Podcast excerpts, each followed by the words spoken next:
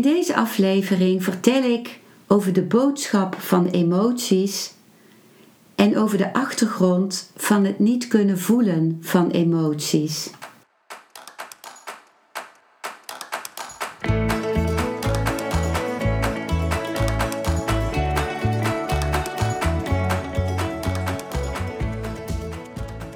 Welkom bij een nieuwe aflevering van Modita's podcast Van Pijn naar Zijn. De podcast waarin ik je meeneem voorbij de pijn in je leven naar wie je diep van binnen bent. Hoe kun je beter omgaan met je gevoelens? Hoe vind je rust in je hoofd? Wat zit er precies achter je pijn? En vooral, hoe kun je steeds meer jezelf zijn? Adem eens diep in en uit. Ik wens je veel luisterplezier.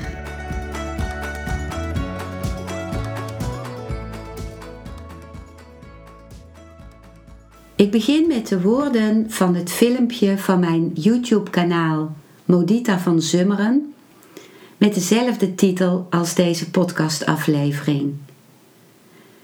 Dus hier komen de woorden van mijn filmpje.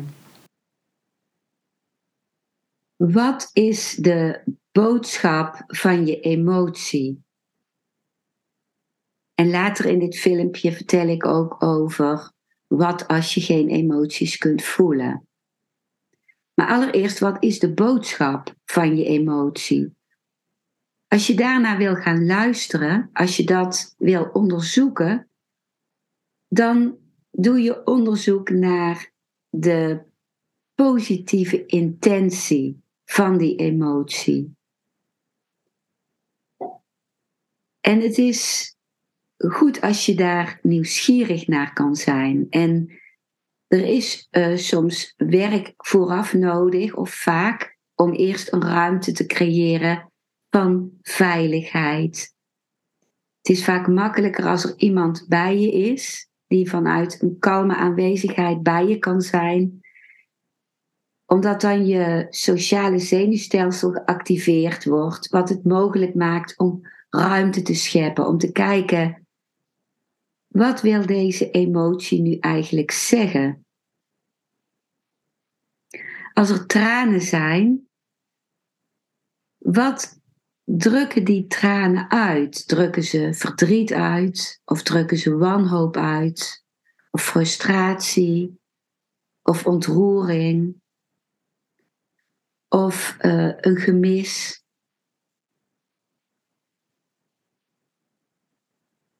De emotie wil iets zeggen. De emotie beweegt.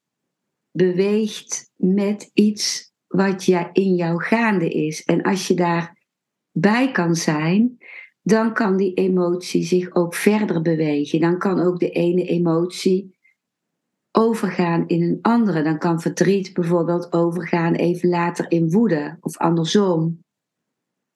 En kan het ook weer verdwijnen. Een emotie is een golf. En als, er, als die dan mag zijn, dan en doorvoeld kan worden, dan neemt die even later ook weer af.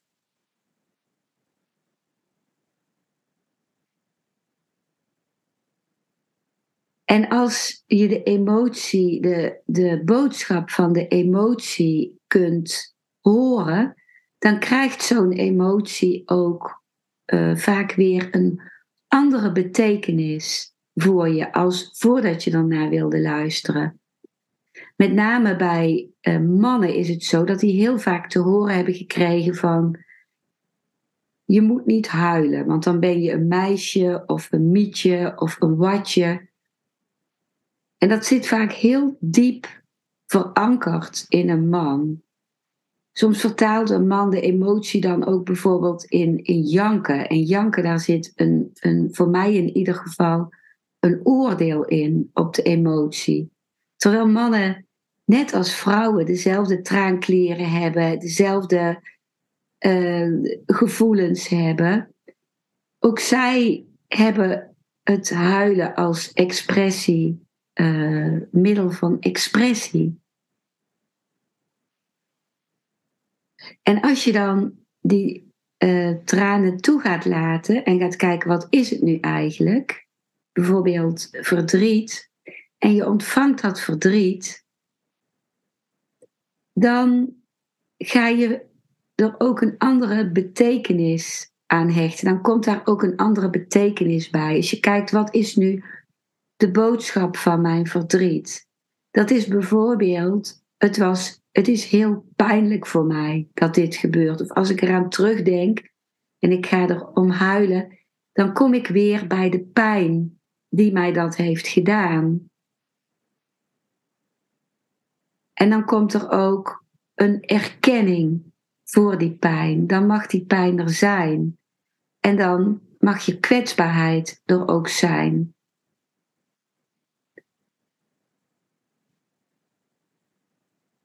En heel vaak is het zo dat iemand helemaal geen contact meer kan krijgen met de emoties.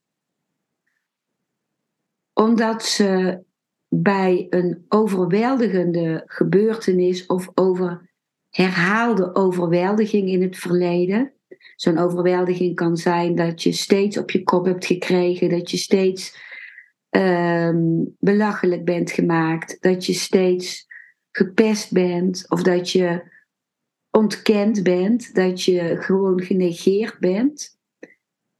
Dat woordje gewoon laat er maar af, dat je genegeerd bent dan is dat zo overweldigend, zo te veel geweest voor je zenuwstelsel. Dat geeft zoveel pijn dat je ehm, onbewust het besluit hebt genomen van ik toon geen emoties meer. Want elke keer als ik een emotie toon, dan gaat dat gepaard met een hele diepe pijn van niet ontmoet worden in die emotie, niet erkend worden, niet gezien worden. Dus dan wordt je verdedigingsmechanisme om je helemaal af te sluiten van de emotie. En dat is als kind een hele wijze verdediging, omdat die pijn ondraaglijk voor je zou zijn. En dat afsluiten kan al heel vroeg gebeurd zijn, zelfs op een, op een leeftijd waarop je nog geen geheugen had wat je terug kan halen. Dat begint bij jongens vaak bij, bij jongens vaak op vierjarige leeftijd en meisjes op driejarige leeftijd. Zodat je niet eens meer weet waarom je je emoties hebt afgesloten. Of dat jij je voor je emoties hebt afgesloten. En ook een, een, op volwassen leeftijd kan een overweldigende gebeurtenis, een traumatische gebeurtenis, dat doen. Dat je zenuwstelsel op overleven is gericht en de emoties weghoudt, afsluit.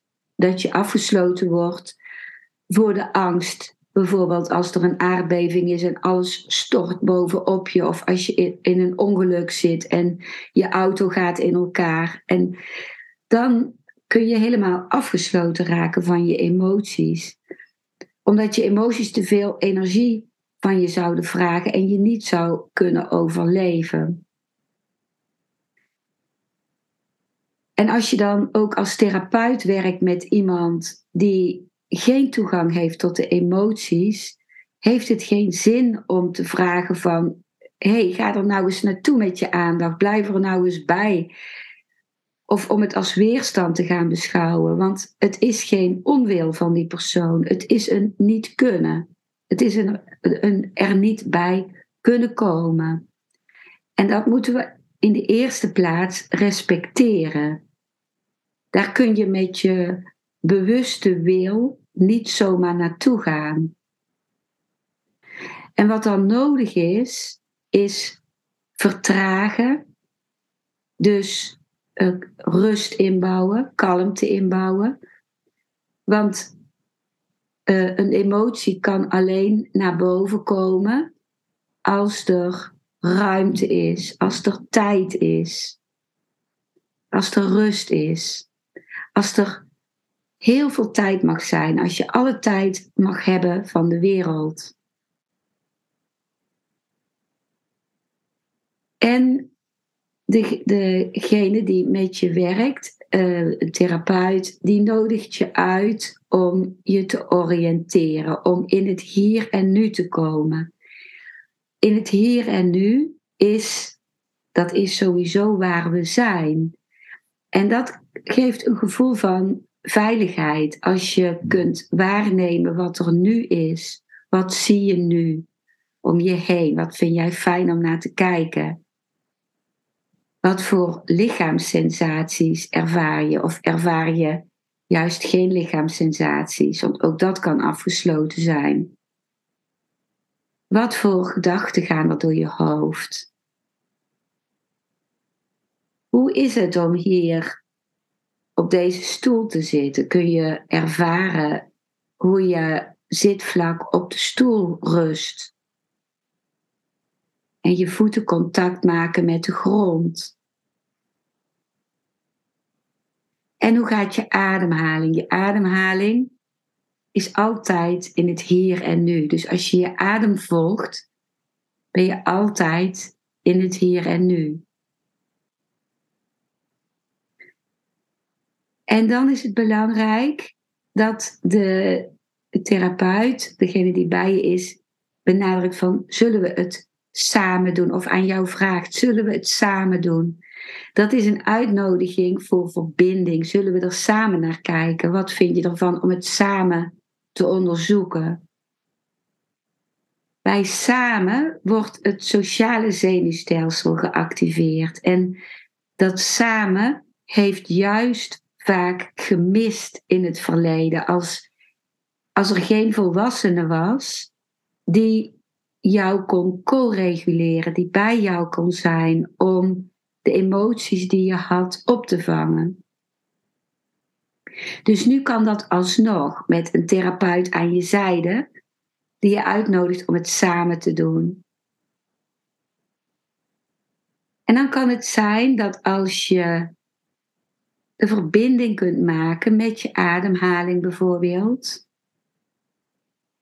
of met de knoop die zit in je maag, want emoties die niet geuit zijn, die je niet hebt kunnen doorleven, die niet tot expressie gebracht konden worden, die gaan zich alsnog uiten, vaak via ehm, symptomen in ons lichaam. Dan krijg je bijvoorbeeld een knoop in je maag of je wordt kortademig. Omdat als je diep zou doorademen, je bij je emoties zou komen. Of je krijgt migraine. Of je de oorspronkelijke woede die je voelde in je arm, waarmee je wou, iemand wou slaan of stompen, die gaat zitten in een frozen shoulder. Dus het lichaam is de laatste resort, de laatste uitlaatklep van ons. Dus alles wat niet geuit kon worden, alle dingen die niet mochten bewegen, een emotie is een beweging, die gaan vastzitten. Dat gaat vastzitten in ons lichaam. En als je de tijd neemt om daar contact mee te maken met zo'n vastzittend lichaamsdeel, dan is het mogelijk dat er soms heel klein van binnen een spoor van woede gevoeld wordt. En dan gaat het erom om dat te ontmoeten, om te ontmoeten wat er oppopt.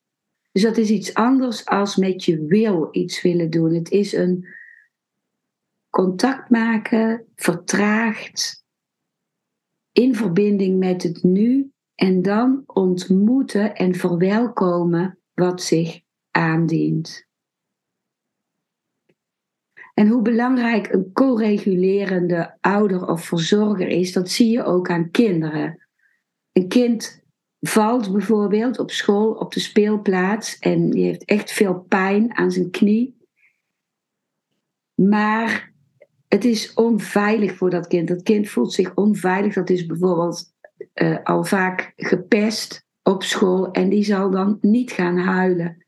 En als die dan thuis komt en de moeder ziet zijn knie, die helemaal kapot is, en de moeder zegt: Jee, wat is er met jouw knie gebeurd? Dan laat het kind zich door de moeder omarmen als die een co-regulerende ouder heeft, een ouder die emoties van het kind mee kan dragen. En begint het kind alsnog te huilen. En dan kan die hele lading van die val via het huilen naar buiten komen. En ontladen worden. En is de beweging afgemaakt. Dit waren de woorden van mijn YouTube-filmpje. Ik vind het zelf heel kostbaar op mijn levensweg om uh, steeds meer me bewust te worden van mijn, zowel mijn gedachten als mijn lichaamssensaties als mijn emoties.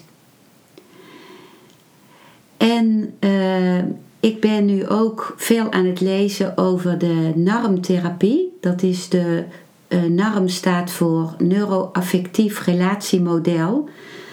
En dat is uh, ontwikkelingstrauma heling. Daarover gaat het. En ik hoop later die opleiding ook te kunnen gaan doen. Maar ik ben tijdens het lezen van uh, het boek daarover ook steeds meer naar mezelf aan het kijken van hoe zit het met mijn emoties. In het verleden heb ik neergekeken op mensen die hun emoties uiten. En dat, was een, dat neerkijken was een overlevingspatroon van mij. Ehm, omdat ik me eigenlijk deep down uh, schaamde of het miste dat ik mijn emoties kon voelen. En uh, daar niet naartoe wilde. En dan is het gemakkelijk om de emoties van anderen af te keuren of om me daarboven te verheffen, om te denken: ik heb emoties niet nodig.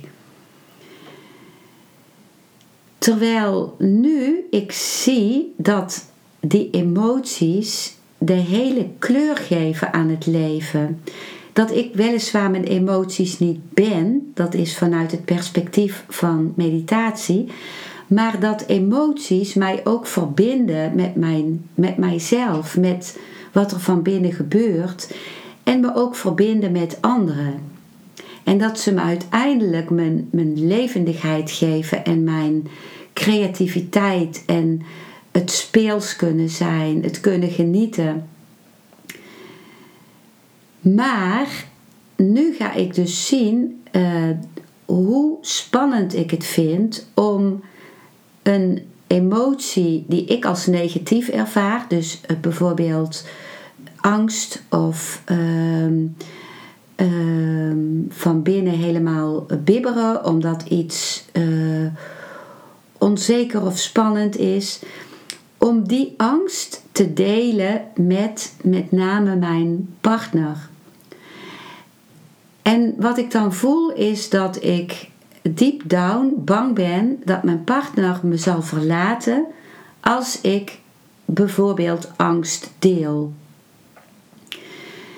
En ik, ik uh, kan waarnemen in mezelf dat die angst te maken heeft met de angst die ik voelde om emoties te uiten naar mijn ouders, in het bijzijn van mijn ouders.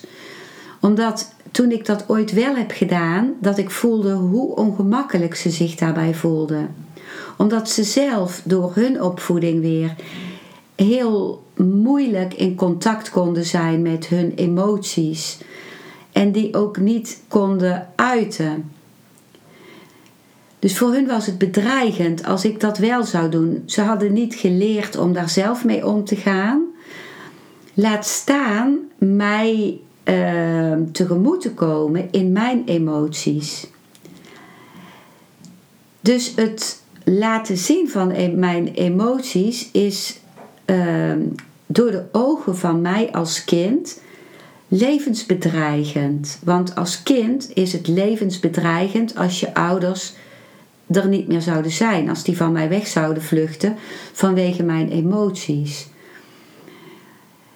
En nu, door de Somatic Experiencing opleiding die ik doe, dus de traumahelingsopleiding, ben ik in staat om daarbij te zijn, om bij de angst van het kind in mij te kunnen zijn en om te durven gaan experimenteren met het ook laten zien van emoties als angst of uh, woede of verdriet. Maar het eerste begin is om te erkennen in mezelf hoe, hoe spannend dat voor mij is. En om dan ook mijn uh, lichaamssensaties te voelen als ik die spanning voel, hoe ik me verkramp. Ehm, hoe er ook bijvoorbeeld een verdriet omhoog komt over het niet uh, kunnen uiten van die emoties. En tegelijkertijd het me realiseren dat ik nu volwassen ben. En dat ik nu ehm, een stevigheid heb ontwikkeld als volwassene. Dat ik nu ook tools heb ontwikkeld waar, waarbij ik uh, als volwassene um, mezelf kan steunen. Door mijn eigen rug te voelen, door te voelen hoe ik op mijn uh, stoel zit, door, door met, uh, mezelf uit te nodigen om me op de stoel te laten zakken. Dus door de steun in mezelf en om mij heen te voelen, daar contact mee te maken en dan heb ik de ehm, ruggengraat om te kijken naar hoe zou het zijn als ik een klein beetje meer van mijn emoties zou laten zien aan mijn partner. En het niet voelen van mijn emoties um, had tot gevolg dat ik dat buiten mezelf ging projecteren. Dat ik ging zien waar mijn partner de emoties niet liet zien. En daar ging ik me dan op focussen. En dat is voor ons mensen makkelijker om te verwachten dat onze partner of onze geliefde of ons familielid de emoties laat zien. Want dan kunnen wij veilig achter ons panzer blijven zitten. Maar de ander wacht ook op jou om jouw emoties te laten zien. Omdat als jij je kwetsbaarheid laat zien, de ander dat ook uh, gemakkelijker zal durven. Dus de uitnodiging blijft voor aan jezelf. Om zelf te kijken hoe is dat voor mij? Hoe, hoe, uh, uh, wat ervaar ik rondom emoties? En hoe is het voor mij om die te voelen. Kan ik ze voelen of niet? En hoe is het ook om ze te communiceren naar de buitenwereld? En als je dat niet kunt, is dat niet iets om in jezelf te veroordelen. Want ook de oordelen naar jezelf heb je al ontwikkeld om jezelf te beschermen in zekere zin. Uh, want als je jezelf veroordeelt, dan blijven je ouders en je opvoeders en je omgeving in jouw beleving goed. En dat kan, is als kind een houvast geweest. Dus op het moment dat, uh, dat je jezelf niet meer veroordeelt, word jij goed. En voor je gevoel kom, komt dan de goedheid van je ouders aan het wankelen. En dat kan ook bedreigend voelen. Dus wat blijft is natuurlijk zijn jouw ouders goed in, in de essentie. Maar wat blijft is dat je waarneemt wat er bij jou gebeurt, wat, er, wat het ook maar is. In de traumaconsulten die ik geef, komt er geen druk te staan op het voelen van emoties. Want dat zou jouw zelfbescherming nog meer omhoog trekken. Dus het gaat er puur om van wat gebeurt er bij jou en wat, uh, op wat voor manier ontzeg je jezelf de toegang tot je emoties. Het gaat meer om een onderzoeken, om een nieuwsgierig zijn, om, om een samen onderzoeken. Als in zo'n trauma-consult eh, onderzoek ik samen met jou. Dus beide kijken we naar, uh, oh, wat zijn de mechanismen en hoe doe ik dat eigenlijk diep van binnen? En soms, eh, als je heel erg in je hoofd bent, uit zelfbescherming, dan starten we bij zo'n traumaconsult ook bij het hoofd. Want dat is waar je bent op dat moment. Dus ook in zo'n consult gaat het erom dat we niet bezig zijn met ehm, zelfveroordeling, maar met het begrijpen van jezelf. Ook familieopstellingen kunnen een ingang zijn, zoals ik al eerder vertelde in deze uh, aflevering, om te gaan kijken naar waar, wat voor verstrikking uh, kan er zijn binnen mijn familiesysteem, waardoor ik geen contact kan maken met mijn gevoelens. Mocht je willen kijken of een traumaconsult of een familieopstelling iets voor je zou kunnen zijn en je kent mij nog niet, dan ben je van harte welkom voor een kennismakingsconsult van een half uur. Dat kan uh, online via Zoom of live bij mij thuis in Eindhoven. Je bent in ieder geval van harte welkom. Dankjewel voor het luisteren naar deze aflevering. Ik hoop dat hij je een nieuw inzicht of perspectief heeft gegeven. Ik hou van interactie, dus als je iets wilt delen, stuur me dan een mailtje op info@genietenvanmeditatie.nl. Ik geef je dan altijd antwoord. Ik wens jou dat je vreugde in het dagelijks leven zult ervaren en innerlijke rust en dat je steeds meer je pijn zult kunnen omvormen in zijn. Je kunt de afleveringen van deze podcast volgen via Spotify, Google Podcast, Apple Podcast en Podbean door op de volg- of abonneerknop te klikken. Als je luistert via de Apple Podcast, dat kan alleen als je een iPhone hebt, heb je een extra voordeel omdat als je op de knop abonneren klikt, je steeds een berichtje op je mobiele telefoon ontvangt als er weer een volgende aflevering van mijn podcast verschijnt. Je bent van harte welkom bij die volgende aflevering.